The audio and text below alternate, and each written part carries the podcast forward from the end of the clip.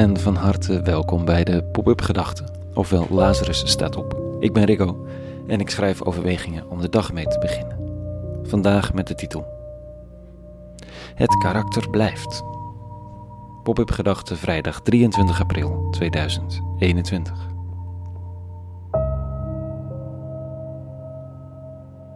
Het is licht tegenwoordig rond dit vroege uur. Maandenlang schreef ik deze overwegingen in het donker, maar de laatste dagen is het al licht. De vogels fluiten, de zon zoekt zich een weg naar de straten en huizen en de dag is begonnen.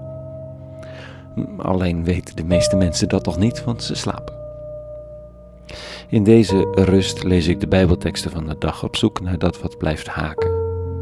En vandaag realiseer ik me dat in de oude Bijbelse verhalen mensen grote veranderingen ondergaan. Bekeringen soms worden ingezet voor het goede of verzetten zich tegen die inzet of kiezen voor het kwade. Grote namen als Saul en David, Abraham en Petrus. Het zijn iconische figuren ondertussen in een cultuur als de onze die doordecemd is met het christendom. En ze hebben allemaal een karakter, een eigenheid. Saul, de grote man, de lange, indrukwekkende, knappe kerel die uiteindelijk te ijdel en te zelfzuchtig blijkt om fatsoenlijk koningsmateriaal te zijn. David, de moedige, koppige man die instinctief reageert en zich daardoor laat leiden, of dat nu gaat om een vloekende Goliath of een vrouw die hij graag zijn harem toevoegt. Oh, en Petrus, daar heb je ook al gauw een beeld bij, opvliegend, betrokken, loyaal, eigenwijs, haantje de voorste. Al deze figuren komen in aanraking met het goddelijke in de verhalen. Ze worden geroepen, getest, uitgedaagd, ingezet en reageren elk vanuit hun karakters. Iedereen verenigt natuurlijk meerdere karaktertrekken in zich, zij ook, maar het blijven herkenbare figuren gedurende heel hun leven. Vandaag bedenk ik me dus dat het niet de vraag is of ik een ander mens wil worden, in de zin dat ik een ander type word. Hoe graag ik het soms ook zou willen. Die geduldige, of die weloverwogene, of die loyale. Anderen willen graag dat vurige type zijn, of die eigenwijze, of die flamboyante, of juist die bedaarde. En natuurlijk is er groei mogelijk. En nodig. Maar dat betekent niet dat we iemand anders worden. Sterker nog, misschien is juist wel de bedoeling meer onszelf te worden. Ook ik word geroepen om te veranderen, om te groeien. Maar als ik het vandaag lees, word ik niet gevraagd bij te dragen aan het goede, wat het ook mogen zijn, ondanks mezelf. Maar juist ook dankzij mezelf en met dat wat in me leeft en hoe ik reageer op de dingen. Ik lees vandaag over Saulus, de latere Paulus. En dat is mijn figuur.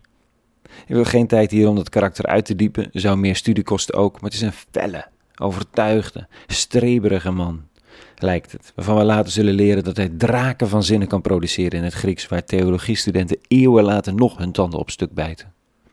Hij heeft vrijbrieven gekregen om volgelingen van de weg van de rabbi, de man van Nazareth, te arresteren en ze te laten berechten in Jeruzalem. Hij was bij de eerste openbare executie, die van Stefanus, en vond het een juiste handeling. Dan, op weg naar Damascus, overkomt hem iets. Hij hoort een stem die zich identificeert als Jezus zelf en die hem verwijt dat hij de volgelingen van God zelf en de Messias naar het leven staat. Hij wordt tijdelijk blind en iemand van de volgelingen van Jezus, Ananias, die in Damascus is, die krijgt een goddelijke influistering om de man op te zoeken. Dan staat er in Handelingen 9. Ananias wierp tegen, Heer, ik heb van velen gehoord hoeveel kwaad die man uw heilige in Jeruzalem heeft gedaan. Ook hier heeft hij van de hoge priester volmacht om alle die uw naam aanroepen in de boeien te slaan. De Heer beval hem, ga, want die man is mijn uitverkoren werktuig om mijn naam uit te dragen onder heidenen en koningen en onder de zonen van Israël. Ik zal hem laten zien hoeveel hij om mijn naam moet lijden. De eeuwige wil blijkbaar niet een willekeurig mens, hij wil deze. En als jij en ik geroepen zijn om in te grijpen of bij te dragen of het goede te doen dan wel te delen, dan is dat niet ondanks onszelf, maar juist met inbegrip van onszelf. Zelfs met inbegrip van de karaktertrekken waar we een pokkenhekel aan hebben. En die mogelijk voor veel schade hebben gezorgd bij mensen om ons heen en mogelijk bij onszelf. Zo ging het in elk geval bij Paulus en dat is geen uitzondering in de Bijbelse verhalen. Of dat per se goed nieuws is, weet ik niet. Soms willen we heel, willen we heel graag af van wie we zijn. In elk geval gedeeltelijk. Maar het kan ook ontnuchterend zijn. Je bent wie je bent en precies dat wil de eeuwige graag ingezet zien. Nou moet ik dat zelf nog zien. Tot zover de pop-up gedachten van vandaag. Een hele goede vrijdag gewenst, alvast een goed weekend. Maandag weer een nieuwe pop-up gedachte en voor nu vrede gewenst. En alle goeds.